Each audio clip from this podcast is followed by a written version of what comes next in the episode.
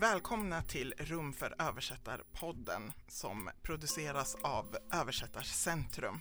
Dagens avsnitt ska handla om översättning av litteratur som skildrar svartas liv och, som, och om att det saknas fler svarta översättare.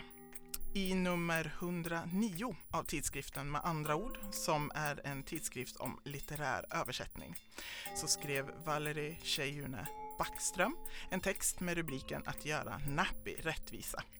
Och under Stockholms bokhelg i slutet av maj 2020 så hölls ett samtal om den här texten på Översättarcentrum. Vi ska idag gräva oss ännu djupare i ämnet och med mig så har jag textens författare Valerie och också Judith Kiros. Mitt namn är Johanna Lundin och jag är till vardags moderator, boktipsare i SVT och kulturskribent.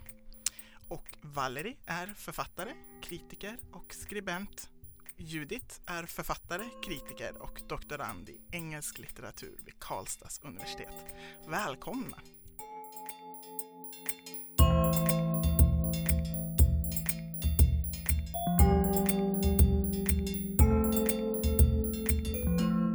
Ja, alltså när jag läste din eh, text Valerie så hade jag så mycket kommentarer i marginalerna och bara yes, det här, skriver under på det.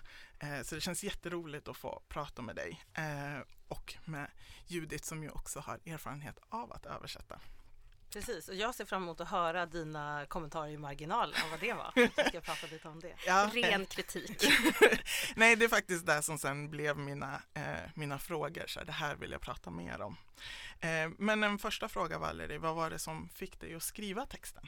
Eh, ja, det var så pass romantiskt att jag fick ett mejl och en förfrågan om jag ville skriva en text för tidningen eller för tidskriften. Och det var med väldigt fri, fritt hållna ramar så jag kunde skriva om lite vad jag ville som har en koppling till översättning.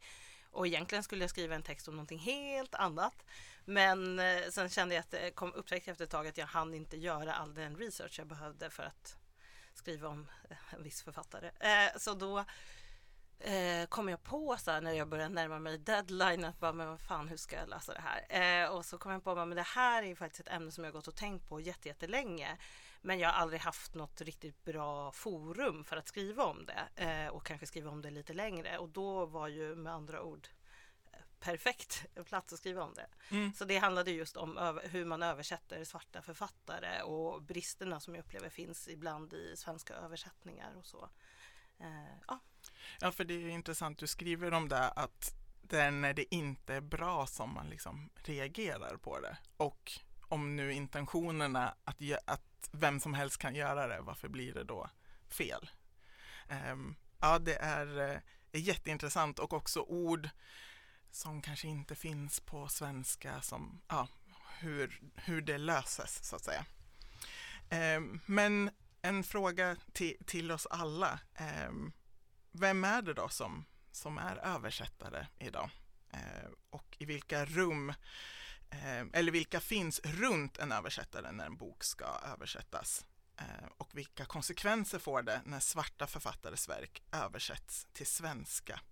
Så eh, Valerie, jag tänkte om du kan börja lite utifrån det du skriver i Ja, alltså nu har inte jag någon statistik på liksom den svenska översättarkåren. Det kanske är någon annan som sitter på det, antingen här i rummet eller någon som lyssnar. Men det är ju precis som förlag, eh, förlags, förlagen i stort, att det är en ganska homogen grupp av främst liksom vita medelklass, övre medelklasspersoner eh, som ofta kanske har växt upp på ett lite liknande sätt, umgås i liknande cirklar och så eh, som gör att det blir ett ganska smalt segment av eh, Sveriges befolkning ändå som hittas på förlagen och hittas både som utgivna författare i Sverige, eh, även om det kanske ändras lite grann och sen hittas som de makthavarna som sitter då på förlagen som bestämmer vilka texter som ska tas in och vilka som översätter och hur, man, hur det arbetet ska gå till och sådär. Mm. Eh, men jag tänker att i min text så försöker jag ringa in att det finns inte bara ett problem utan två problem. Att det handlar inte bara om att det är en homogen kår utan också att det är finns ett problem i svenskan i sig idag, att vi inte har ord för alla de här sakerna. Så att jag vill också vara tydlig med att det handlar inte bara om att folk fallerar men det fanns ett jättebra facit utan någonting som jag brottas med i texten är att det finns inga mm. eh, ultimata lösningar här idag och det finns också liksom ett, ett uppdrag som handlar om fantasi, att skapa någonting nytt och som jag efterlyser kanske att folk ska eh, ta i tag i eller börja sysselsätta sig med. Eh, och sen vet inte jag om vem det är som ska göra det och vilka resultat det kommer bli av det. Men det är liksom inte bara att det är homogent som är problemet, tänker jag. Vi är ju ungefär jämngamla med varann och eh, när jag växte upp så fanns det ju väldigt få texter, böcker om och av svenska svarta författare. Och under min uppväxt så var det just i översättning eller att läsa i engelsk original. Och jag tänker då, ni har ju båda gett ut eh, roman eh, slash liksom en hybrid mellan roman och en poesisamling. Ehm, men just det där att det inte finns ett svenskt sp inhemskt språk att översätta till. Ehm, om, om det kan, är det det som kan vara en del av problemet när svarta författares texter ska översättas? Judith? Mm. Ja, det skulle jag definitivt säga att det är ett problem och det har ju att göra med, tänker jag, precis det du påpekar, att det inte fanns så mycket inhemsk svartlitteratur eh, fram tills för några år sedan. Och då menar jag inte att det absolut inte fanns några, men det fanns kanske inte ett samtal mellan olika svarta författare för att det var helt enkelt för få. Eh, och de samtalen var istället i hemmet, i liksom det personliga livet. Eh, eh, och då utvecklas ju andra former av språk. Eh, och de är ju inte tillgängliga för många översättare. Eh, och det har ju blivit, jag tänkte på det när jag läste din text Valerie, mer uppenbart eh, just för att det nu översätts fler böcker av Um, många, då bland annat afrikanska amerikanska författare. Och då blir det ju uppenbart var det brister. Och det är ju ofta i de här um, inte superinterna men ändå väldigt specifika mm. eh, orden. Eh, och det märks väldigt tydligt om man, om man liksom, eh, på olika sätt bekant med det språket någon annanstans ifrån och så stöter man på det i litteraturen och är så vad ska det här ens kommunicera? Eh, man söker sig bakåt. Det är så här, kan det betyda det här? Och sen hittar man ordet, till exempel nappy. Och är så här, ah det var det mm. som, som skulle uttryckas här. Um, och det, jag tänker att det liksom är ju, ja, det är ju alienerande framförallt för eh, svarta läsare eh, och så. Men det blir också problematiskt för att eh, på något sätt så är ju uppgifterna vi har både som skrivande personer och översättare att bredda det svenska språket. Eh, alltså att få det att rymma eh, de här upplevelserna och erfarenheterna. Och där någonstans så ligger uppgiften. Ehm, hur kan man göra, hur kan man göra det? Men det är också problematiskt även mot då författaren och jag tänker mot läsaren så gör man den också många gånger en otjänst för att ibland Vissa saker är kanske små detaljer som inte förstör så jättemycket av helhetsbilden eller helhetsupplevelsen av att läsa boken.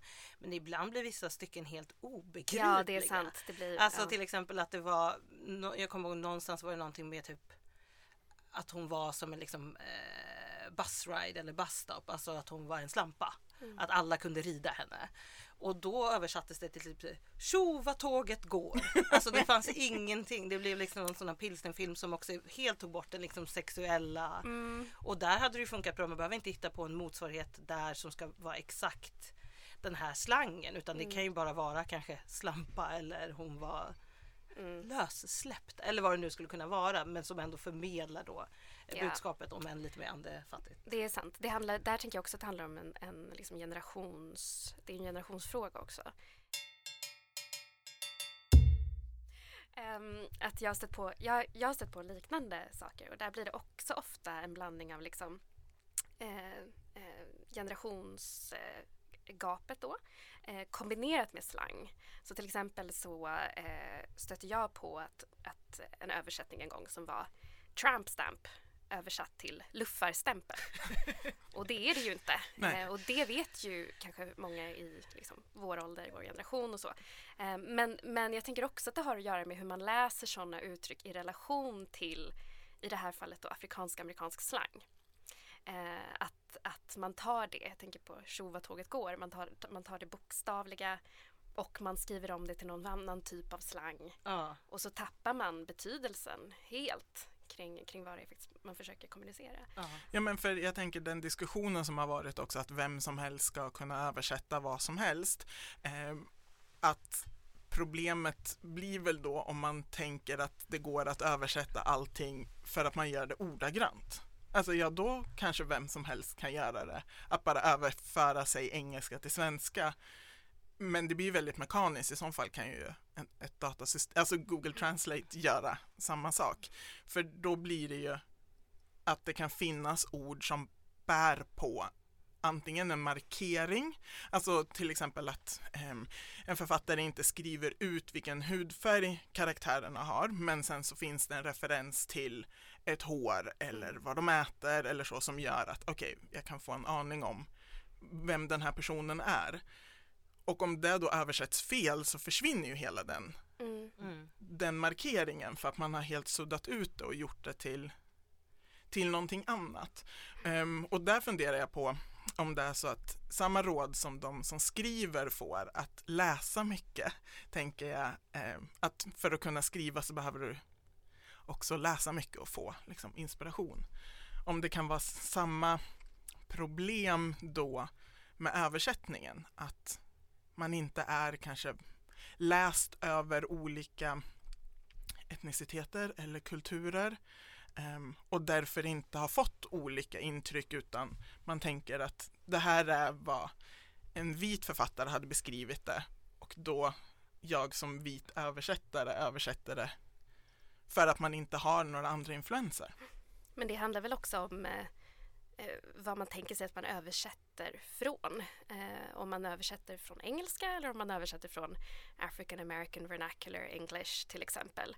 Eh, det kräver ju andra liksom, eh, kunskaper helt enkelt. Eh, eh och det, det betrakt, borde ju betraktas och betraktas ju ofta som en typ av annat språk eller språklighet ändå. Att, att här finns det liksom vissa regler kring grammatik och, och så vidare. Um, och sen så, och det, jag tänker att här exemplifierar vi ju med eh, afrikansk-amerikansk litteratur för jag tänker att det är det som oftast översätts och diskuteras i de, i de här termerna av vem som helst ska kunna göra det och så vidare. Sen så finns det ju svarta författare som är verksamma både på kontinenten och i diasporan som har liksom ett väldigt, eh, vad kan man säga, eh, Queens English, liksom, Mhm. väldigt så. Eh, och där kan det ju också förekomma eh, liksom, en viss problematik men det är kanske samma problem jag skulle ha ifall jag försökte översätta, översätta för en tanzanisk författare till exempel, som skriver på engelska. Det finns en kulturell bakgrund där som jag inte har. Liksom. Mm. Ehm, Och också i frågan där om hur ska vi översätta eller låta det stå på, säg att boken är skriven på engelska men det finns Ibo eller någon, något Mm. annat språk kryddat i, i även den engelska texten, att man då låter det vara kvar. Men när det översätts från, säg, eh, en svart författare från Storbritannien eller Mm. eh, USA så är det som vilken engelska som helst och därför behandlas på, på samma sätt som en Mm. vit författares text. Jag undrar också, för jag tycker det är intressant det där om man talar om att läsa. Eh, För jag tänker ändå att de flesta översättare läser väldigt mycket. Eh, Jag tänker ändå att det är ett yrke man inte går in i för att man vill tjäna fett mycket cash eller bli liksom berömd och få jättemycket status. Förutom i väldigt då specifika kretsar så är det en ganska anonym tillvaro som bygger på kärlek till litteraturen. Så jag vet inte om jag heller tror alltid att det är ett problem med att man läser men dels kanske ibland att inse sina egna begränsningar. Att även om man kan ett språk så kanske man inte kan alla segment av det språket. Och beroende på liksom vad man konsumerar för kultur i övrigt så finns det kanske vissa böcker som passar en bättre. Eller som är ett språk man kan behärska att översätta och andra språk man kanske inte kan behärska och översätta. Och det tänker jag gäller för de flesta. Jo, det som jag tänkte på, eh, det som jag tänkte på var det här med som jag ser också som ett problem då är den här apparaten omkring. För jag tänker att alla översättare gör eh, misstag och missuppfattningar och det finns liksom en, eh, ett redigeringsarbete av en anledning att, vi, att man ska vara flera ögon som tittar på eh, översättningen och hjälpas åt och det kommer alltid uppkomma liksom problem man behöver lösa ihop. Men att det inte där plockas upp. Det är mer det som jag också tycker är anmärkningsvärt. Mm. För då är det att jag har gått igenom flera led och ingen har plockat de här sakerna. Som inte heller kan ses som liksom konstnärliga val eller så utan som jag bara ser som olyckor på arbetsplatsen. ja, men, och det var där eh, som jag har skrivit då inom parenteser i min långa fråga i vem är det som översätter, inom parentes, den vita översättarkåren? Eh, och vilka runt en översättare finns när en bok ska översättas? Parentes, den vita bokbranschen. Eh, och vilka konsekvenser får den när svarta verk ska översättas till svenska? Det vill säga vita personers svenska. Mm. Eh, men det där, jag tänker för jag har översatt en bok och Judith har översatt. Eh, så jag tänker att vi också ska väva in egna erfarenheter. Ehm, så Judith, du har översatt Varsan Shires eh, diktsamling, eh, Välsigna dottern. Hur var, var det arbetet? Mm, eh, det var ju komplicerat. Dels för att det är att översätta dikt. Eh, och där finns ju det här med liksom att försöka behålla rytmerna och tonerna och också hon har ett väldigt invecklat sätt att skriva på. Eh, det är liksom långa, svåra meningar, komplicerade meningar. Och hon använder sig mycket av somaliska, som jag ju inte pratar. Eh, och också mycket av brittisk slang. Eh, och då är det ju framförallt liksom brittisk slang som talas i den icke-vita arbetarklassen. Eh, och där finns det ju också den här frågan kring vad behåller man på originalspråket? Om jag försöker översätta det till någon form av svensk slang. Alltså, där tycker jag också att det finns ett massivt problem där man tänker sig att bara olika former av slang som icke-vita människor pratar är helt utbytbar. Eh, så är det ju inte, för det finns ju rötter eh, där. Som, där bland annat till exempel man tar mycket eh, brittisk slang Jo, det finns ju eh, många arabiska ord och så vidare men det finns ju också patois eh, på grund av den väldigt stora karibiska diasporan i, i England.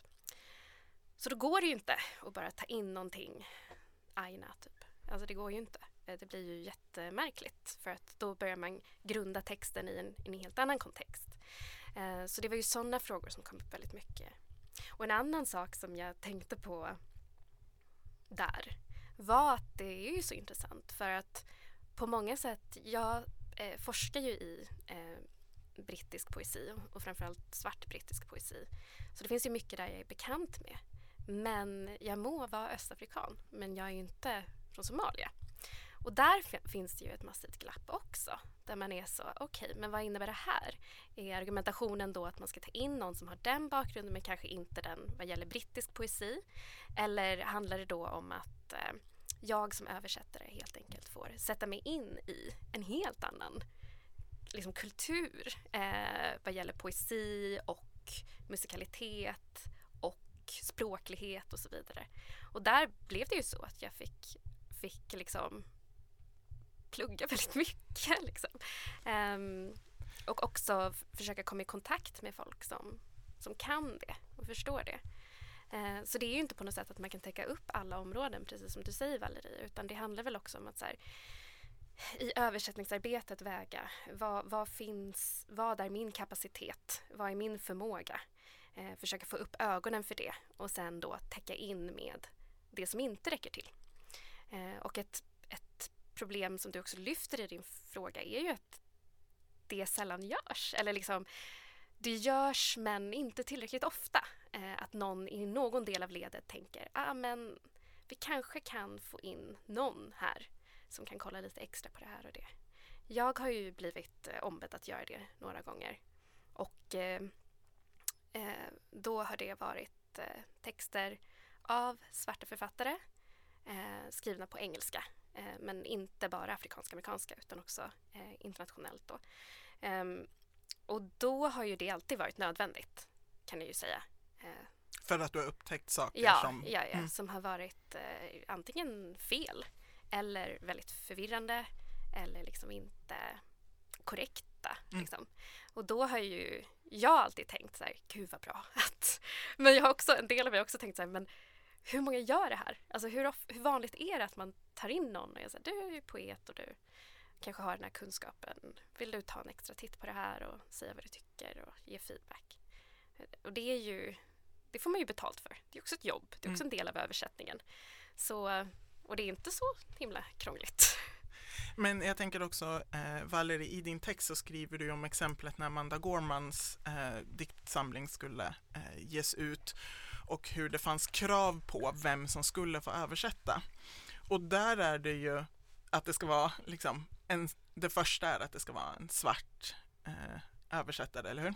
Nej, jag tror det första krav, alltså, och ingenting av det här var krav utan det var önskemål. Ja. Så det första var väl att det skulle vara någon som hade liksom förankring till spoken word. Mm. Och sen var det så här, och den får gärna också dela erfarenheter med Amanda. Mm. Alltså vara svart typ. Men det var så det tolkades av många var ju så här, här har de krav på att det ska vara en svart författare. Ehm, och då tänker jag, både i det exemplet men det eh, som Judith också lyfter, så här, som att vi som är svarta alla är samma oavsett vilken kultur, alltså ja vi tre är svarta men vi är ju olika för den skull. Mm. Ehm, så att att man då kanske tänkte i ditt fall Judith, att så här, ja men du är också poet ehm, och svart. Men sen finns det ju andra saker som, som du kanske inte har erfarenheter av. Spoken word.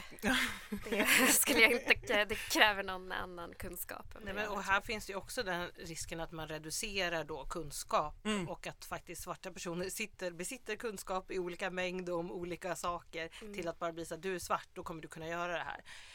Eh, och så är det ju inte.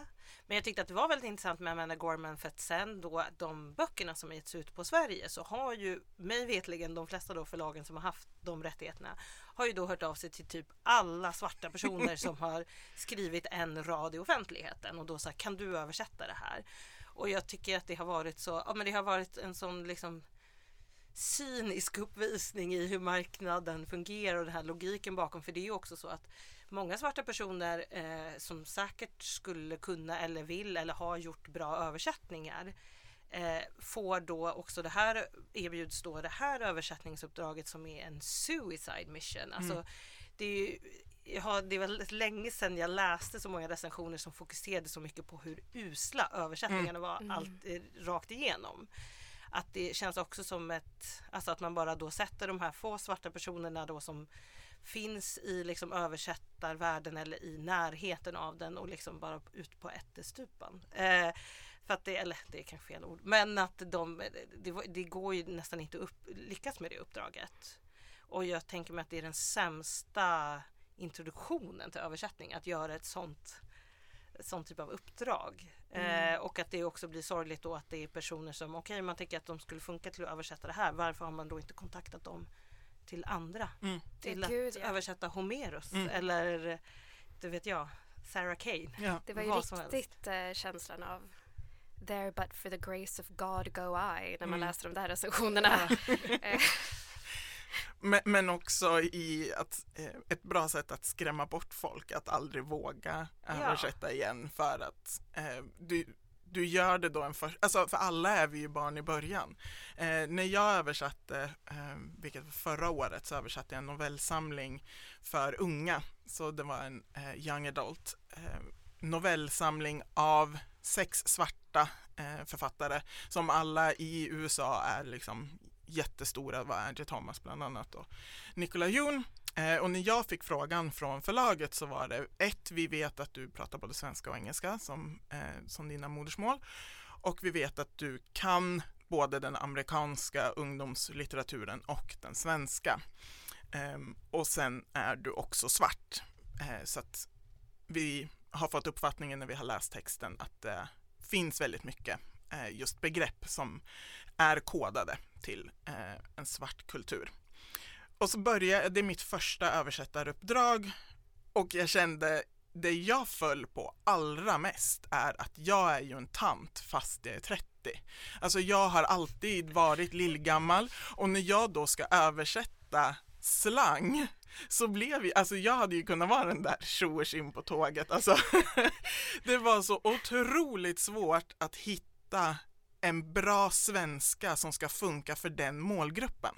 Att där spelar det ingen, ja visst jag vet vad den där kycklingen är eller jag vet liksom som de äter eller jag vet hur, eh, har liksom en, eh, vilka begrepp som vi använder för hår här.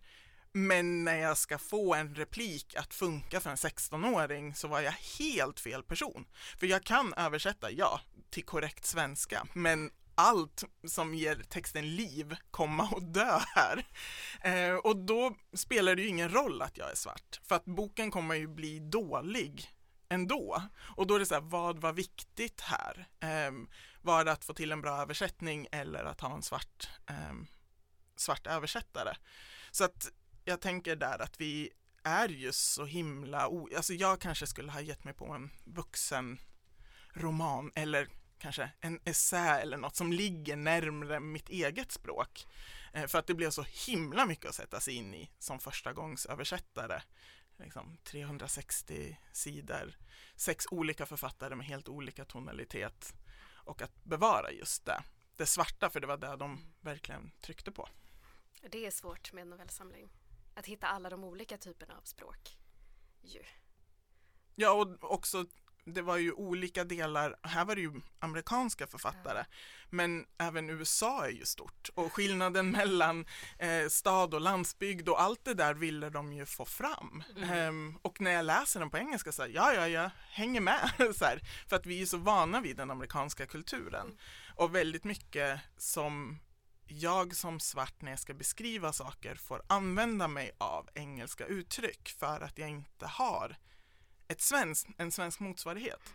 Och då tänker jag att, men ska vi bara importera det amerikanska sättet att beskriva att vara alltså när, och det är därför jag tycker det är så viktigt att det också kommer ut inhemsk litteratur där svenskan är originalspråket så att det finns någonting för översättare att också Precis. få jag som tänker, referens. Ja, att de hämtar näring ur varandra och annars tror jag att det är väldigt svårt att göra bra översättningar det blir liksom en helt, eh, det blir liksom som att översätta ufon mm. eller aliens eh, texter. Men sen tänkte jag också någonting som är fint med översättningar är att det finns en otrolig frihet i dem. Alltså det finns inget egentligen rätt eller fel. Varje översättare kommer göra sina egna val som leder in på nya val. Eh, och det finns liksom inte en version. Och det ser man ju med alla böcker som har översatts flera gånger till svenska till exempel, att de kan skilja sig väldigt mycket och alla personer kanske kan hitta sina egna favoriter. Och jag tänker där, dels när man väljer översättare så måste man själv göra lite val, vad man tycker är viktigast kanske.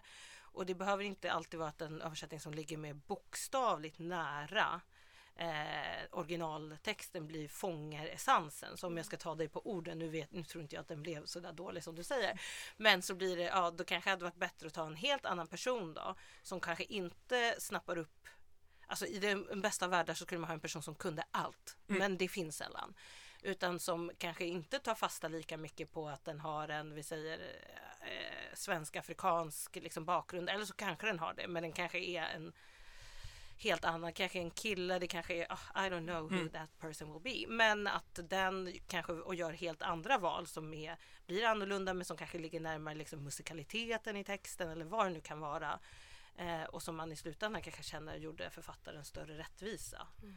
Men jag tycker ibland finns det liksom också en liten ängslighet i översättningen för att det är som att folk kanske från början inte har brytt sig så mycket om den här frågan men sen har den blivit större och då känner man att man måste göra rätt. Mm. Och då blir rätt, att göra rätt blir liksom bara en liten slapp eftergift. Till exempel då, vi kontaktar alla svarta som någon gång har sin sin tidning och frågar om de vill översätta Amanda Gorman. Det är inte respektfullt mot någon. Mm. Och det blir inte heller, du kommer inte få den bästa översättningen genom att göra så. Eh, och samma sak här, att det handlar liksom om att man måste väga olika saker men också ta det på allvar och se det som en kunskap. För det är det som jag upplever ibland att man bara fastnar i det här. Så här, det handlar bara om en erfarenhet. Nej, det gör det mm. inte. Men det handlar om att ha en kunskap om ämnet och den kunskapen kan man få på jättemånga olika sätt. Men om man aldrig ens har tänkt på de här sakerna så tror jag också att det blir svårt när man läser en text och om ingen runt omkring heller har en erfarenhet eller har den här kunskaperna att de ska liksom lägga märke till de här sakerna som inte alltid är jättestora. De kan vara ganska subtila. Men också när det handlar om att uppfinna ett nytt språk eller uppfinna en ny erfarenhet. Att så men hur ska man göra det om man aldrig har varit med om de här sakerna eller aldrig ens typ träffat någon som har varit med om de här sakerna förutom när personen städade ens lägenhet. Alltså då tror jag att det kan bli jag tror inte att man kommer lyckas med det uppdraget. Man kanske gör det men jag tror att chanserna, ja än så länge har, tycker inte jag att, att jag ser att folk har lyckats med det. Men det är intressant det där med, med liksom när kunskap övergår i erfarenhet och vice versa. Erfarenhet blir någon form av kunskap. Jag tänkte på det också när jag översatte eh, Ora Sanchires dikter. Att ibland räcker det ju med att någon skriver någonting, till exempel eh, 4C hår eh, för att en svart läsare ska förstå att så här, okay, det här säger någonting om den här personens utseende och status i mm. familjen.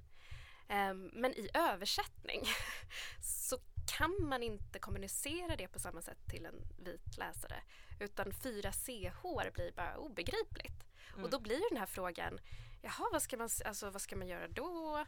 Vem riktar man sig till? Vems språk vill man bevara? För där är det ju liksom att min mamma till exempel har ingen erfarenhet av översättning eh, och egentligen inte någon kunskap kring liksom, dikter eller så. Men när hon läser det så fattar hon ju vad det betyder. Um, och då blir det ju den här liksom, finns ju vissa saker där som, som handlar om liksom när kunskap övergår till erfarenhet mm. och så vidare. Och, men sen, samtidigt så finns det ju också en tendens att tro att allt är så. Och det är det jag tänker att du var inne på. Att det är så här, nej men de här personerna har ingen kunskap, de har bara erfarenheter. Mm. Och det räcker till eh, för att kunna kommunicera mm. det viktigaste. Um, jag tänker också på Amanda Gorman där att det blev ju en sån också extrem eh, liksom, diskussion där eh, Alltså där det handlade väldigt mycket om att bevisa att här, vem som helst skulle kunna göra det här. Och eh, det var ju också därför det var lite av ett för ett uppdrag. För att man visste att man skulle inte liksom, läsas i relation till originaltexten utan man skulle läsas i, rela i relation till en debatt som sa att antingen att man, var jättenödvändig för det här verket eller att man var totalt överflödig och mm. vem som helst annars skulle kunna gjort det så mycket bättre. Eh, så då, då, blir det ju inte ens en, alltså då blir det ju bara det blir liksom debattinlägg, inte riktigt poesi heller. Nej, för hennes text försvinner ju också. Att det är inte den som är det viktiga eller vad den ville ha sagt, utan någons förmåga att överföra det till svenska. Ja, eller någons, till och, till och med bortom det skulle jag säga. Jag skulle säga att det var, det var att man helt enkelt blev en del av en diskussion som skulle bevisa någon form av poäng. Ofta då det här med att vem som helst kan göra det här. Mm. Och då måste man ju ta ner översättningen. Mm. Ju. Eh, mm. För att det är det som är tesen som ska mm. bevisas. Att det inte är nödvändigt att hålla på sådär som hon gjorde. Så. Men när jag var otroligt frustrerad då i, min, i mina brister som översättare när jag skulle översätta så pratade jag med andra översättare i hur ska jag ta mig an det här eh, uppdraget och då fick jag rådet att det finns som två skolor i hur du översätter. Antingen är du bokstavstrogen, alltså över, bara överföra från, säg engelska till svenska inga, inga finesser utan du ska bara få det korrekt meningsuppbyggnad så. Eller så gör du en tolkning av det, det vill säga det behöver inte vara ord för ord översatt utan känslan eller ja, och sen hitta en svensk motsvarighet för den känslan eller uttrycket. Um, och, och då insåg jag ju att jag är ju bokstavstrogen. Jag tänkte ju att här handlar det om att hitta exakt rätt ord för det här på svenska och så kunde jag inte det. Fundamentalist. Ja, eh, för att jag var så rädd att göra fel så tänkte jag att då kan de ju åtminstone inte klanka ner på att jag har tagit mig några friheter för då har jag bara fört över från A till B. Eh, men där har du ju liksom, om du ska göra tolkningen, det är ju då du kan behöva mer kunskap för att okej, okay, men vad är det här i motsvarighet på det här språket som jag ska översätta till? Och det är väl då många tänker att då har, bara du har erfarenhet då, ja, vad det nu är, att vara svart, så här, som att vi då alla har samma eh, klassbakgrund eller vad det nu kan vara. Eh, eller kunskaper om världen. Mm. mm. Alltså det Alltså som med alla andra människor så varierar det och mm. alla människor är inte översättare av en anledning. Mm. They wouldn't make it. Men jag tänker på det med till exempel 4CH då. Att för mig blir det på något sätt viktigt att ha det. Eh, det blir viktigt att ha kvar det för att det kanske inte kommunicerar så mycket till folk nu. Men det kanske kommer att göra det ju fler svarta författare som verkar i, i liksom kulturen i stort. Och då blir det viktigt att det finns någonstans. Um, jag tänker att det också handlar om det, att, att lägga grunden för en annan typ, eller liksom göra ett utrymme för en annan typ av språk eh, och en annan typ av erfarenhet då.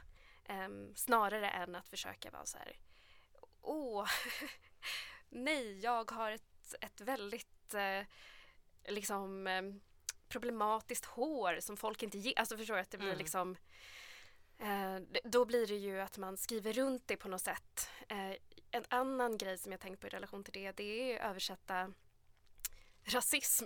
Mm. Eh, att översätta det, att kontextualisera det på olika sätt. Jag översatte nyligen en väns bok eh, där, och det var från svenska till engelska, till amerikansk engelska. Och då skulle jag översätta ordet svartskalle. Och jag var så, hmm, okej, ja, eh, hur översätter man det till amerikansk engelska? Jag hade, eh, hit, jag hade liksom tidigare översatt det till brittisk engelska, utan det här var liksom en korrigering då efter.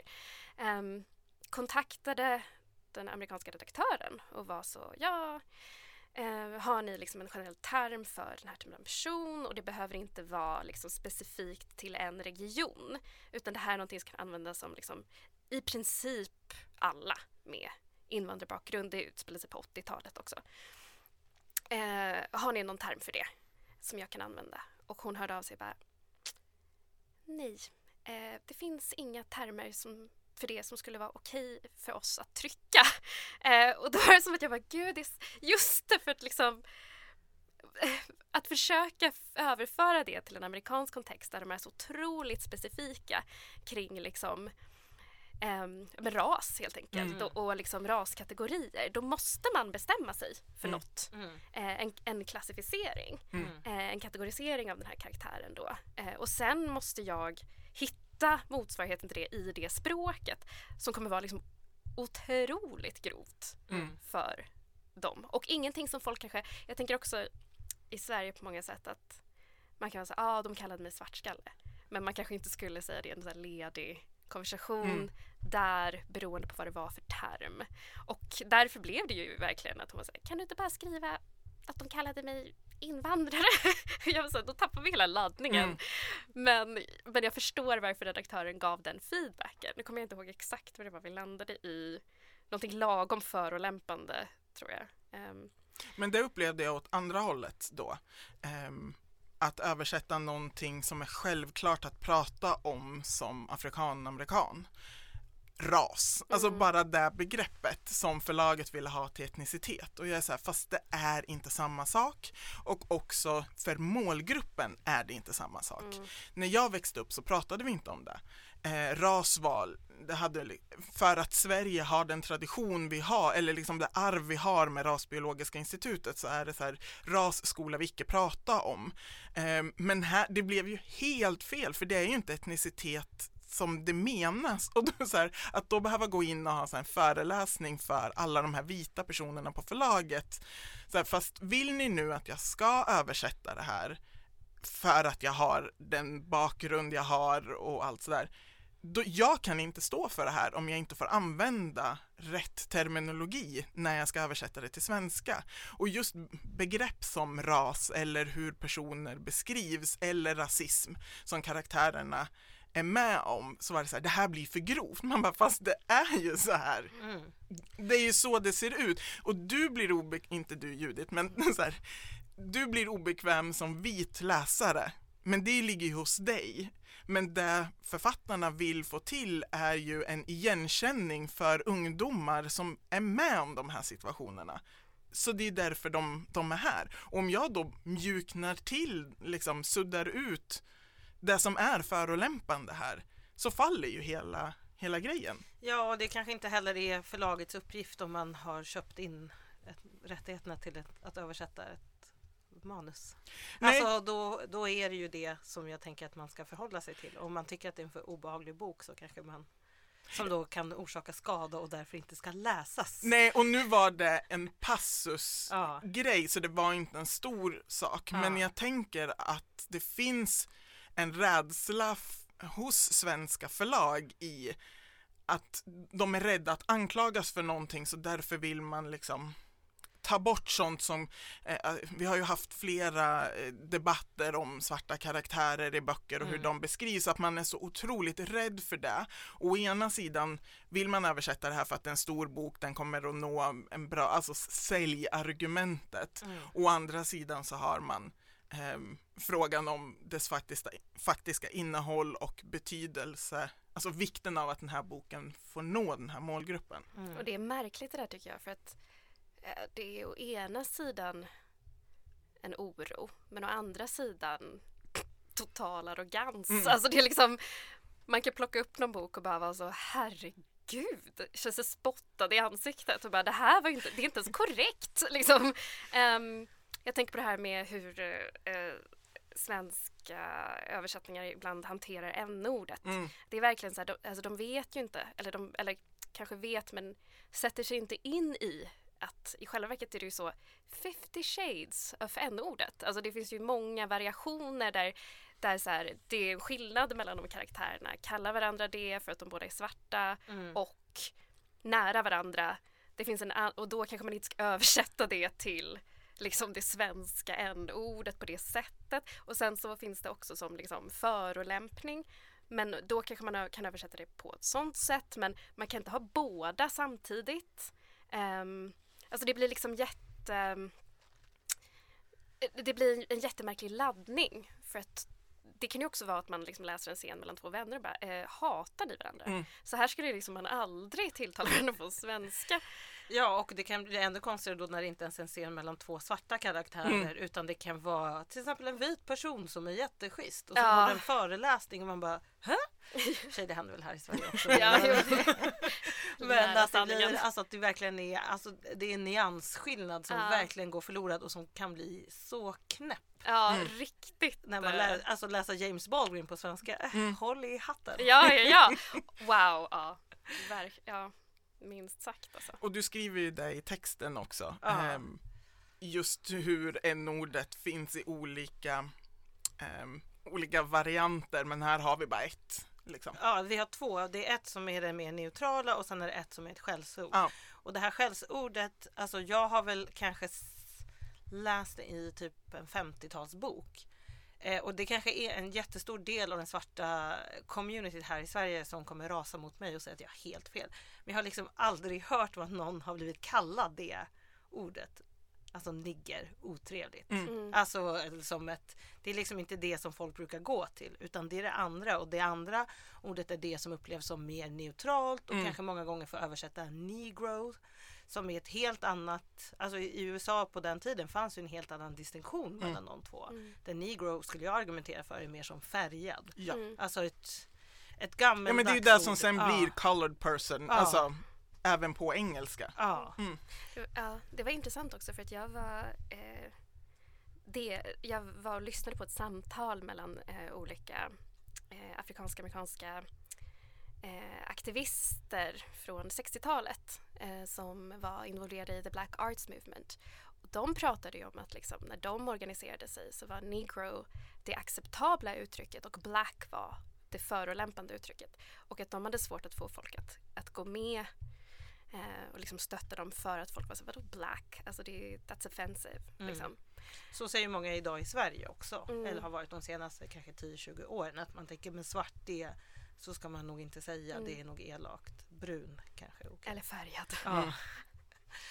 Eller mulatt. Åh fy, jag får verkligen rysningar. Och det är ju ett ord som används jättemycket och används som ett neutralt ord. Mm. Mm. På sve- alltså, och det har det ju verkligen den traditionen i Sverige. Men det har ju börjar ju ändras väldigt mycket. Ja, jo för jag blev ju kallad det som har en svart förälder och en vit förälder. Ja. Eller Liksom, ehm, I något, sl- i ehm, en ambition att vara, att inte kategorisera. Ja. Eh, Så väljer man liksom den slavkategoriseringen. Ja. Men just den här frågan ehm, och om intresset för att en översättning ska bli rätt. Eh, för jag, jag upplever att vi ju är inne i en process. Det är ju inte som att vi kommer komma fram till ett lexikon att ska du översätta en svart författares verk så är det de här orden som ska användas. För det svenska språket utvecklas ju också. Men är det framför allt att det ska bli rätt som är det som ställer till problem både för översättare och när debatten förs? Alltså jag tyckte det var intressant det du sa det här med de två skolorna och antingen att vara bokstavstrogen för att problemet då som jag kan se är att fast ofta finns det ju inget rätt svar till svenskan. Det är inte så att det fanns ett perfekt ord som de valde att ignorera utan det finns inte och då behöver man eh, kompromissa eller fantisera. Man behöver liksom komma på någonting nytt. Eh, så det tänkte jag på. Eh, och sen så just att det här tycker jag också att det finns en alltså en lite negligering av olika böckers eller olika verks kvaliteter. Att medan vissa eh, texter och befinner sig väldigt mycket i det språkliga och liksom i det är liksom i språket boken händer. Och andra kanske han, eh, handlar mer om typ så här, vi ska ta oss från punkt A till B till C. Och språket är ganska enkelt och man kan översätta det ganska rakt upp och ner till svenska. Medan andra eh, verk är så här, det går inte. Och något som jag kan störa mig på väldigt mycket då är att man inte har tagit hänsyn till, men det här är ett, ett väldigt rytmiskt verk eller det här är ett väldigt liksom som arbetar väldigt mycket med liksom tonationer och de olika sakerna. Eh, och då bara gör en sån maskinöversättning. Eh, Medan jag med många böcker tycker att ja, men den är skriven på det sättet från början. Så då är det normalt att den får det, det typen av språk i en svensk mm. språkdräkt också. Men det finns ju också det här behovet av att räta ut och särskilt då när det kommer till afrikan, amerikansk engelska då som ändå är ett språk som många svenskar ändå har någon viss kontakt eller relation till. Eh, alltså från populärkulturen. Eh, att man då allt det här som liksom författaren så noggrant har arbetat med ska man bara få till Nej, vi ska få det här till liksom en det blir ju samma akt som med att bara få det till typ Queens English. Alltså mm. att man eh, rätar ut någonting och då är det som att man upplever nästan som att det är någonting fel i det här från början och nu ska vi få det respektabelt. Och det är ju den traditionen som både eh, afrikanamerikansk engelska och patwa har haft hela tiden. Att det ses som en broken English mm. som måste liksom lagas då. Att det finns någonting i också den översättningsakten som stör mig väldigt mycket och som jag ibland kan förstå att man har gjort en del av de valen och i andra gånger så känns det bara som mm. klåfingrighet mm. och inte respekt mot liksom, det ursprungliga verket. Nej, för eh, det var en av de anteckningar som jag har gjort i marginalen när jag läste din text, Valerie, var just det här eh, men vad händer då Eh, det jag har skrivit under din punkt 9, eh, att det inte med andra ord spelar ingen roll vem som är översättaren, det spelar ingen roll vad man själv har varit med om. Så skriver jag, men vad händer då när förtryckaren ska översätta den förtryckta? Då blir det ju den språk och syn som får styra. Att i vissa avseenden eh, så kan det ju vara att det ska översättas till ett språk som i sin tur har varit och är förtryckande. Mm. Um, och att det då blir det som är där du utgår ifrån. För jag tänker om du är en, eh, en översättare och att det ingår att också läsa. Men om du bara läser andra vita författares översättningar av svart, alltså då kommer det ju inte in, då är ju de, de lika också. Men och jag tänker att det, alltså, att det, här, det upplever jag som en sorts slapphet. Att man med liksom, oh, om man ska då kalla det kategorin vita författare, vilket känns som en väldigt så här, kategori som folk inte skulle använda. Hejsan bokhandel, har ni fått in några nya spännande vita författare på sistone?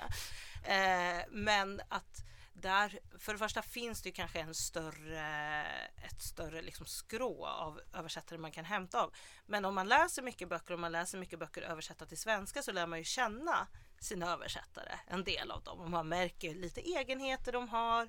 Man har, får några favoriter, man har några som man är, åh oh, nej nu har den här översatt, det kommer, då kommer jag inte uppskatta det. Oavsett då vem som har skrivit ursprungstexten? Exakt, ja. för att översättaren lämnar ju sina egna spår. Och jag har vissa översättare som jag tycker så här, oh, den här är så bra när den översätter den här typen av verk, den här typen av författare. Och då är det inte kategorin, äh, kategorin bara ah, den här typen av svarta författare utan det finns också andra genrer och andra typer av språk och sånt som inte har att göra med ras mm. eller etnicitet utan som har att göra med liksom vad man har för språk, hur mm. man skriver. Eh, och där tycker jag ibland att det är med svarta författare att man inte har den fingertoppkänslan och inte heller liksom att man kanske lägger ner den tiden. Att, nej, det kanske egentligen inte handlar om att vi ska ha måste ha en svart översättare här men det handlar om att vi ska ha en översättare som är van vid att till exempel översätta liksom, väldigt poetiskt mm. språk mm. eller ett väldigt humoristiskt rapt eller vad det nu kan vara som liksom inte eh, alla är lika bra på. Ja men precis som förlag kan vilja ha någon som är van att översätta kommersiell, alltså nu oavsett vem, vilken ja. hudfärg eh, ursprungsförfattaren har. Men vi vill ha någon som är duktig på att översätta romance som liksom är, är bra på den terminologin och så. Ja. Eller vi vill ha någon som är bra på att översätta poesi eller och men när det gäller vissa typer av författare så är det som att så här, det är samma, det finns ingen genre här um, eller sätt att skriva på ja. utan det är ju en svart författare, a.k.a. vi behöver inte bry oss om formen eller stilen eller så. Ja, eller att vi är så nervösa att göra fel. Så att då, ofta tycker jag för sig inte folk ens verkar vara nervösa. Nej, de brukar inte lägga ner någon tid på det. Men när de väl gör det, att det blir så här fel saker man kanske lägger ner tid på. Mm. Och, och, och, att vissa saker, när man inte vill göra fel, blir så fel. Mm. Um, tänkte jag på. Jo men, jo men det har ju att göra med det här med liksom översättning av rasism. Alltså rasism är ju eh, liksom det, det, sker ju alltid i en specifik kontext, det är liksom språkligt, det är materiellt, alla de sakerna. Eh, och, och, då blir det konstigt ibland eh, när man försöker jag tänker på liksom, jag har ju sett bland annat coon eh, översättas till blatte. Liksom. Det är ju två helt olika saker. Ja. Eh, jag menar coon är ju, det är ju liksom eh, ja, men en, en sellout. Ja. Ju. Eh, en svart person som är liksom en sellout som, som liksom är, är till för att underhålla den vita publiken. En blatte, det är bara en, det är bara vi. Nej, men... Alltså det är bara en, en, den svenska samlingstermen. Ja, ja eller det är liksom en ja, person med mörkt hår. Mm. Ja, och, och samma sak med liksom, jag någon gång läste jag kommer inte ihåg vilken text det var. Nappy headed hoe. Ja precis, för den tar jag upp. Ja precis, ja. blattehora. Mm. Det är ju inte korrekt alls. Nej. Och det förflyttar också texten från att handla om svarta till att handla om svenskar. Mm. Ju. Väldigt abrupt liksom. Um, och där, ja, där tänker jag att det blir. Ja, för också att eh, alla böcker är ju inte varför jag inte längre pratar med vita om ras. Mm. Och att det bara är där det finns rasism beskrivet. Um, ut, så att det är ju inte alla svarta författare som vill göra en liksom, poäng av rasism utan det bara beskriver en händelse som kanske liksom kommer påverka karaktären men det är inte så här hej hej här vill jag sätta ljuset på en samhällsfråga utan det är saker som en svart person i det här fallet Eh, kan utsättas för. Eh, men att när det ska översättas till svenska så blir det så politiskt laddat. Eh, och att så här, nu skriver den om rasism och hur ska vi hantera det här? Ehm, för att i Sverige är det så obekvämt att prata om och att vi saknar ehm, orden för det. Och, och där funderar jag på, men ni då som tillhör en samtida generation eller en samtida författar eh, kår som ju är då svarta och kanske skriver om det. Alltså förhållandet där mellan översättare och de som skriver. Eh, hur ser ni på, på den frågan? Är det, är det viktigt att, att, de, att de två grupperna liksom möts för att då prata om språket och hur vi kan driva det framåt? Ja, det måste det väl vara, även om jag inte vet om det finns något speciellt konvent folk kan åka till. Men eh, ja, men självklart, men det, alltså där måste det ju ske en korsbefruktning, alltså med de som skriver verk och de som översätter idag i Sverige. Alltså att man läser varandra, att man eh, korresponderar på olika sätt. Men sen vet inte jag, alltså jag tror inte heller att alla svar finns i den liksom litteraturen som har getts ut nu på hur man ska lösa problem som dessutom inte ens alltid handlar om Sverige mm. eller är översättningsbara till den här. Men jag tänkte på en annan sak som du sa tidigare Judith med det här med fyra CH. Jag tänker att alltså när man översättaren gör en översättning, det är dens jobb. Läsaren gör ju också någon typ av översättning när man läser. Att och beroende på vad man läser så kommer vissa saker vara jättetydliga för mig vad det handlar om. Jag kommer kunna spegla mig i det som alla gillar att tjata om att det är antingen rätt eller fel att göra med böckerna man läser. Mm. Men det finns också massor med saker som jag inte kommer kanske fatta på en gång vad det är. Jag kanske måste kolla upp. Ibland kanske man måste ha någon lite, ibland har ju översättare valt att ha förklaringar och sånt där i texten. Men det är ju inte alltid det finns. Eh, och där om man ska ha förklaringar så finns det också en övervägning man måste göra. Vilka saker väljer vi att förklara? För det säger också ganska mycket. Vilka tänker jag ska läsa den här boken och vad har de för förkunskaper? Eh, men att ibland finns det liksom en tanke på att nej men det ska man inte behöva göra som läsare. Man ska inte behöva vara en aktiv mm. läsare. Mm. Men om författaren i ursprungslandet skriver om en viss sak eh, och som då kanske det finns en poäng med att det ska finnas kvar i översättningen också. Och det, jag tror inte att det är inte så att alla i Storbritannien vet vad 4 CH är. Nej, eh, även om det är statistiskt gentemot befolkningen förmodligen är fler ja, än här.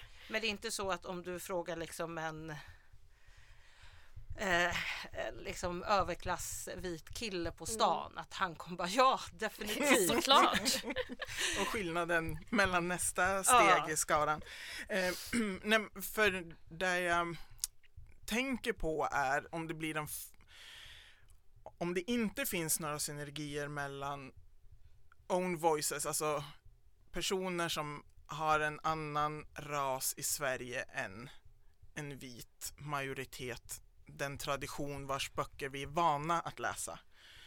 Om beskrivandet av, i det här fallet, svarta personer bara bygger på översättning från andra länder för att den inhemska utgivningen av svarta röster är i proportion till är ju liten, alltså den är ju liten bara i den engelskspråkiga eh, anglosaxiska så är det så här 4% har en annan hudfärg än vit. Så att även där är det ju få. Men när det fortfarande är så att 2022 att vilja läsa en svart författare så är det i översättning eller läsa på original jämfört med hur ofta jag får läsa en svensk svart författare. Men blir det inte då att om det bara är vita som översätter svarta författare, så när en svart person skrivs, eller liksom det finns texter om svarta, så är det inte vi själva som har varit med att ta, liksom, göra de orden till normen för hur vi kan beskrivas. Ja, jag tycker att det är ja, jag tycker att det är väldigt viktigt faktiskt. Eh, det här, men att det viktiga liksom handlar om att um, försöka förskjuta eller göra utrymme för saker i språket. Alltså att, att inte se det som um, ja, men att inte se det som att det finns ett facit helt enkelt. Utan att det ska finnas utrymme för att kunna experimentera. Eh, också som svart författare. Vad är det för språk jag vill ha här. Och också i och med att man kanske publicerar den här boken, oj det blev fel eller det blev inte som jag tänkte mig. Då finns det utrymme för någon annan att komma in och mm. korrigera. Eller komma med ett annat förslag. Alltså det är därför det är så viktigt att det är många som skriver. För att annars blir det ju inte ett samtal. Mm. Alltså det blir inte en dialog. Och jag tänker att språkutvecklingen måste vara dialogisk. och det, det tänker jag är, är det viktiga på något sätt. Um, och det, och det är ju som du säger Valerie, att, att jag personligen har en tendens att låta texter vara mer. Alltså ha kvar fyra ch Jag kanske skulle haft kvar nappy headed hoe till exempel som det står. Kanske inte ens översätta det. Mm. Eh, för att det är ett, ett specifikt uttryck som, kommer ur en specifik plats och tid och om jag försöker översätta det exakt så kommer det inte funka. Det är också det här som jag tycker är intressant ibland med, jag vet inte om ni har tänkt på det, men ni vet de kursiverade orden på andra språk. Mm. Mm. Alltså som eh, Johanna, jag tror du pratade om det eh, när det är kanske på Ibo så Mm. kursiverat ord på ett annat språk. När är det okej att göra det med engelska språkliga uttryck eh, som är kanske precis lika specifika eh, och svåröversatta. Coon, tänker Mm. jag, Mm. är en sån. Där det är så här, det kommer inte finnas eh, vi kommer inte finna ett sånt ord Mm. på svenska för det har utvecklats på en plats och i en tid som skildras här. Mm. Ehm, när är det okej? Eh, och när är det faktiskt bra och berikar språket? Snarare än att det är liksom slappt, nej jag pallar inte, vi bara Mm. lägger till det. Men, men med vissa saker så tycker jag faktiskt att det är viktigt att, att ha det. Eller liksom att på något sätt erkänna att det man jobbar med är en annan typ av språk. Ja. Ehm, och då kan man ju skriva in liksom någon kommentar, det här betyder det här. Ja, eller liksom, jag tänker också så här, förklara sin översättning. Jag har Mm. valt att behålla de här, de här uttrycken för att hmm, ehm, annars slätar jag över till exempel Mm. ja, hela liksom, den amerikanska eh, historien kring slaveriet. Alltså det, det blir ju så. Mm. Eh, liksom. Eller så blir det att jag försöker överföra det hit och då skapar jag en typ av liksom rasbiologiskt influerat språk som kanske inte fanns tidigare. Alltså förstår Ja. ni? Att Mm. det blir så konstigt. Eller liksom jag vet inte vad jag skulle försöka översätta det till som inte bara skulle vara typ så här Oh my god.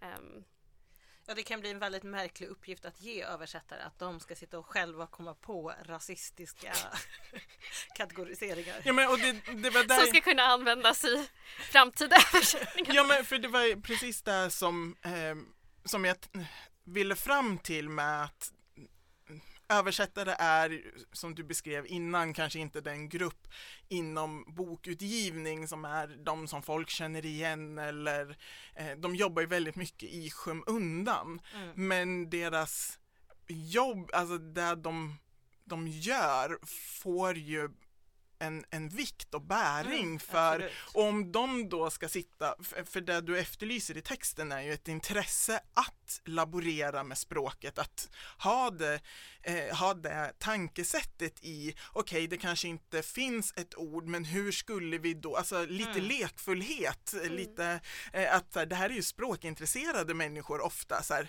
hur häftigt är det inte att få vara med då och laborera fram ett, en svensk motsvarighet till ett uttryck? Um, men att göra det i en isolering, alltså att inte, att bara sitta där med sig själv och sin egen fantasi är ju kanske inte så utvecklande.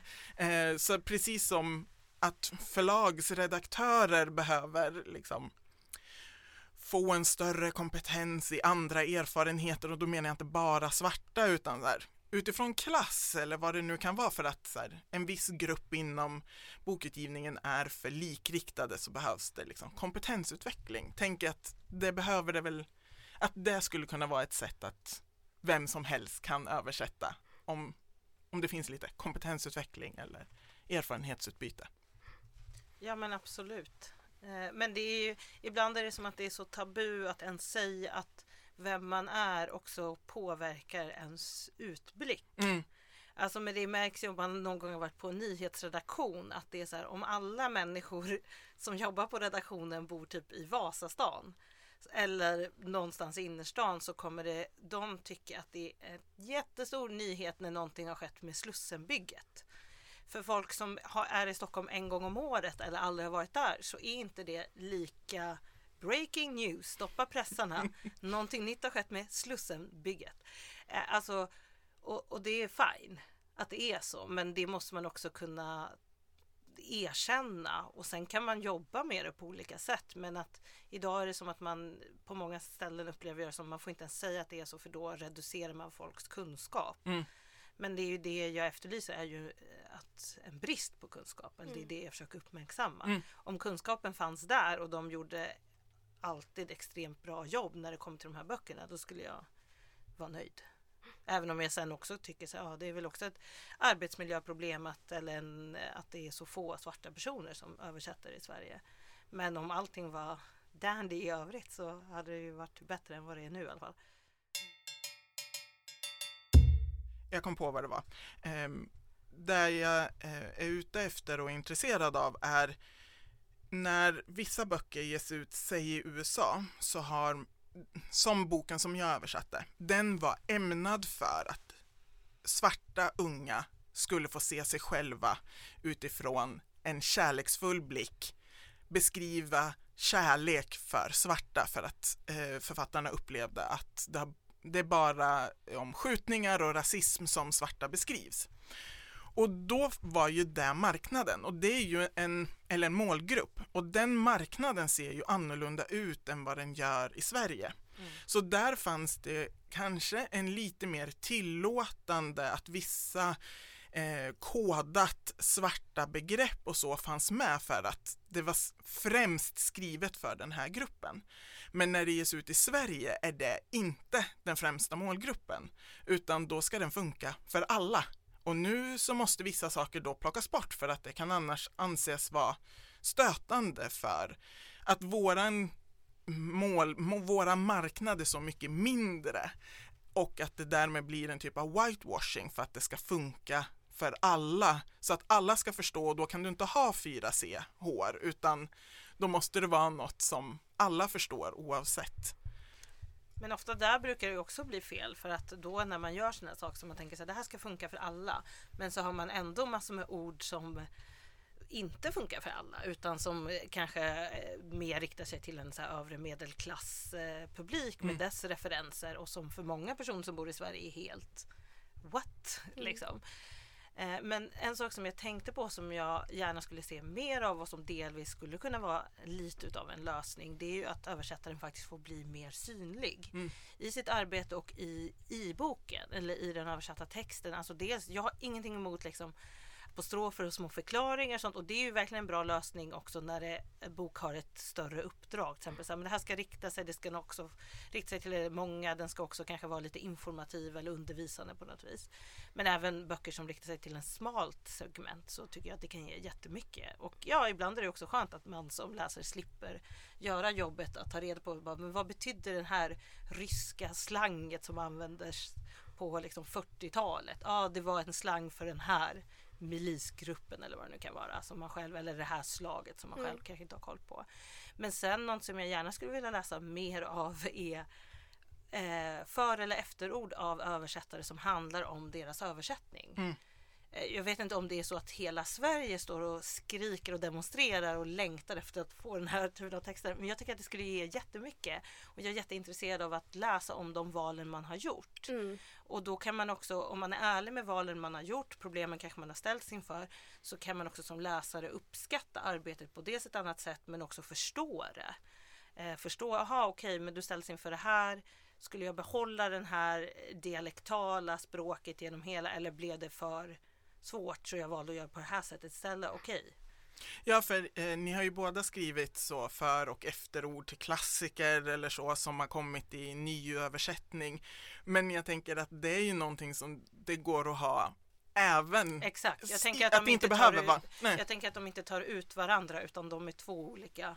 Mm. Ja men precis som det ger en bredare förklaring och förståelse för ett verk så varför kan vi inte göra det i nutid också? Att det inte bara behöver vara, så att ni förstår nu så har de här begreppen använts för det var det man använde på den tiden. Alltså på samma sätt så är det ju i min roll som översättare i den kontext jag befinner mig i nu så har jag valt att göra de här stilistiska valen eller vad det kan vara när jag har översatt för att då kan jag ju få en, en förståelse för att det här är ju en tolkning, en översättning är ju en typ av, av tolkning. Mm. Sen tänker jag på det här med ehm, eh, att översätta verk från någon annan plats versus att, att själv skriva som eh, svart författare i Sverige. Att översätta verk brukar ju också mottas lite mer generöst mm. kan jag tycka. Eftersom att man tänker sig, ja, ja men det är så de pratar där, det är så de gör där borta. Medan det stora problemet tycker jag som eh, svartförfattare i Sverige är ju att det ord som jag upplever att folk har absolut mest problem med, det är ju inte n-ordet utan det är ordet vit. Mm. Att det är ett problem om man försöker skriva som svartförfattare här.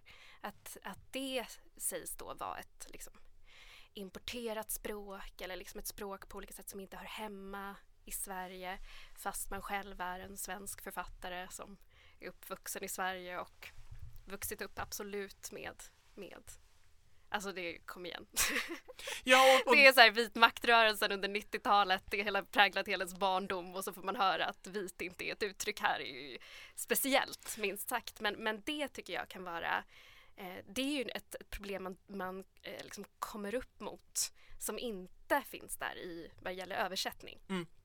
ja, och, och det är där jag, jag tänker just i att hur, om nu litteratur är både ett fönster och en spegel, en, så har det ju för, i alla fall för mig under majoriteten av mitt läsande liv varit ett fönster. Alltså jag får titta in hos andra som jag inte kan se mig själv i.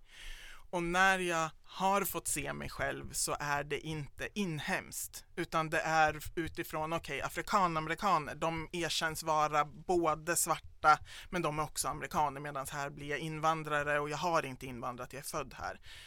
Men när det fortfarande 2020 är vanligare eller lättare för mig att få läsa någonting som jag kan spegla mig i så är det en översättning, men det är en översättning som ändå inte alltid går hela vägen, liksom når hela vägen fram. Jag känner ändå att det är med en blick som inte är inifrån utan utifrån. Och då väljer jag att hellre läsa originalspråket för att då kan jag få den där speglingen. Så att det är ju för mig lika viktigt med översättningen som den inhemska utgivningen. Att båda måste finnas för att det inte ska bli när vi pratar om svarthet så är det bara i en översättning från en annan kontext och hit. Um, framförallt när, det, när kåren kanske är för homogen. Um. Mm. Jag kan definitivt eh, känna igen mig i det och särskilt jag jobbar ju också som konstkritiker. Jag kan känna igen det från konstvärlden att det finns en annan, om jag plockar upp det du sa ljudet om acceptans, att inom konstvärlden, svenska konstvärlden så ser man ofta utställningar som rör liksom svarta, svarta amerikaner, eh, det kan vara britter också, kan, sydafrikaner, kan vara lite vad som helst så länge det inte handlar om svensk rasism. För då blir det plötsligt väldigt personligt och då blir det jobbigt att ta till sig. Men däremot kan man liksom gå och se konstutställningar med torterade människor och tycka att det är jättekul och bra och spännande och viktigt. Eh, men att det finns liksom en motvilja att närma sig det som sker på ens egen bakgård. Mm. För alla kan hålla med om att USA är hemskt och många andra länder på jorden är hemska medan att Sverige ändå, det här är en bra plats och de problemen som finns i andra länder finns inte i Sverige. Eh, samtidigt som man tittar på utgivningen så är det kanske inte världens bästa plats. Man kan närma sig eh, Ja, man kan närma sig liksom andra svartas ja. konst som konst. Ja. Det vill säga det kan ge njutning, spänning, intresse, nyfikenhet. Och också ha en intellektuell agent. Mm. Medans, eh, medans inhemska svarta konstnärer, då är det ett debattinlägg. Mm. Det handlar ju väldigt sällan då om, om att faktiskt utvärdera det som konst eller som som um, en, en, en punkt jag vet inte, alltså någonting som man kan utgå ifrån i en vidare diskussion om liksom, samtida politik eller, eller konst och eller konst. Utan det blir bara så, nu ska jag bemöta det här i en debattartikel. Det blir ju jättekonstigt. Liksom. Men att de verken får stå för sig själva eh, och att konstnären i sig inte behöver försvara sig, vilket det kan bli här eller att så här, nu måste du prata om alla svartars liksom, situation bara för att du är svart författare och har nämnt det i din bok. Så då strunt, ja, mm. är det viktigare att du är en representant än att du är en kreativ person? Ja, eller liksom att man inte kan tänka sig det här verket speglar en sanning. Mm. Eh, det finns många sanningar men det här verket speglar en sanning utan istället så är det då vilket, vilket polemiskt inlägg i diskussionen om svensk rasism. Och det blir också jättekonstigt för man läser inte annan litteratur på det sättet om det inte är typ facklitteratur. Mm. Så, eller det gör man ibland också och då brukar det generera debatter att det är så här, men varför kan ni inte läsa den här boken om det här och det här som en roman, som konst och inte som ett debattinlägg. Men jag tycker med svarta och andra icke-vita svenska författare så kan det många gånger utebli.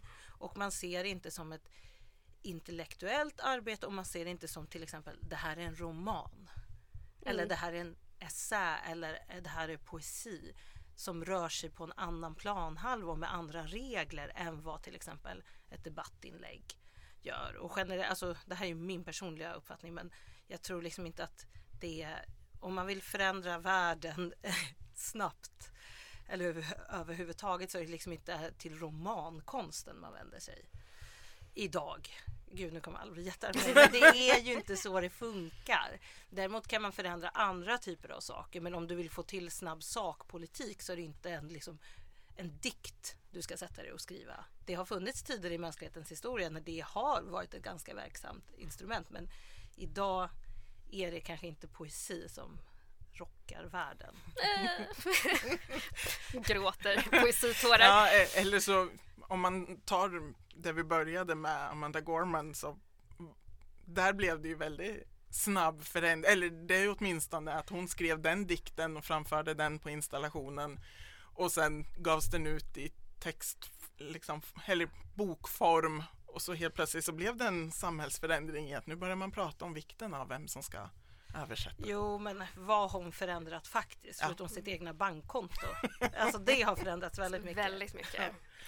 Eh, det har varit otroligt intressant att samtala med er och vi kanske inte har kommit fram till en lösning på eh, de frågeställningar som eh, Valerie väckte i sin text. Får jag bara flika in en sak jättesnabbt? Mm. Alltså det, jag vill också verkligen poängtera att det är så här, det handlar inte om att jag inte har tro på konsten, men det är det att konsten rör sig i sin egna, på sin egna planhalva. De är inte debattinlägg på ett sätt som ett debattinlägg är eller en motion. Och de ska inte ses på det sättet, de har sitt egenvärde. Mm. Mm, och om jag får kommentera på det, eh, så tänker jag också att att det här är en av anledningarna till att man sällan ser översättare och inhemska svarta författare i kommunikation, i dialog kring vilket språk man håller på att ta fram just för att de betraktas så olika. Eh, när det ju inte är så, mm. utan när det är liksom en, en, gemensam språkvärld man arbetar med på olika sätt. Eh, och det, det kan jag tycka är synd. Mm. Liksom. Det borde finnas mer där. Ja, så jag tänker att vi kanske inte har, um, har kommer med lösningen, men vi har åtminstone fått borra ner oss ännu mer i den här frågan och just påtalat vikten av att vi fortsätter att diskutera de, de här sakerna eh, och att det inte går att se varken att en sida är, är nöjd och att nu bara stannar vi här utan precis som språket så behöver vi fortsätta att diskutera och ha en framåtrörelse. Tusen tack för att jag fick prata med er, Judith Kiros och Valerie Tjejune Backström. Tack så mycket. Tack så mycket.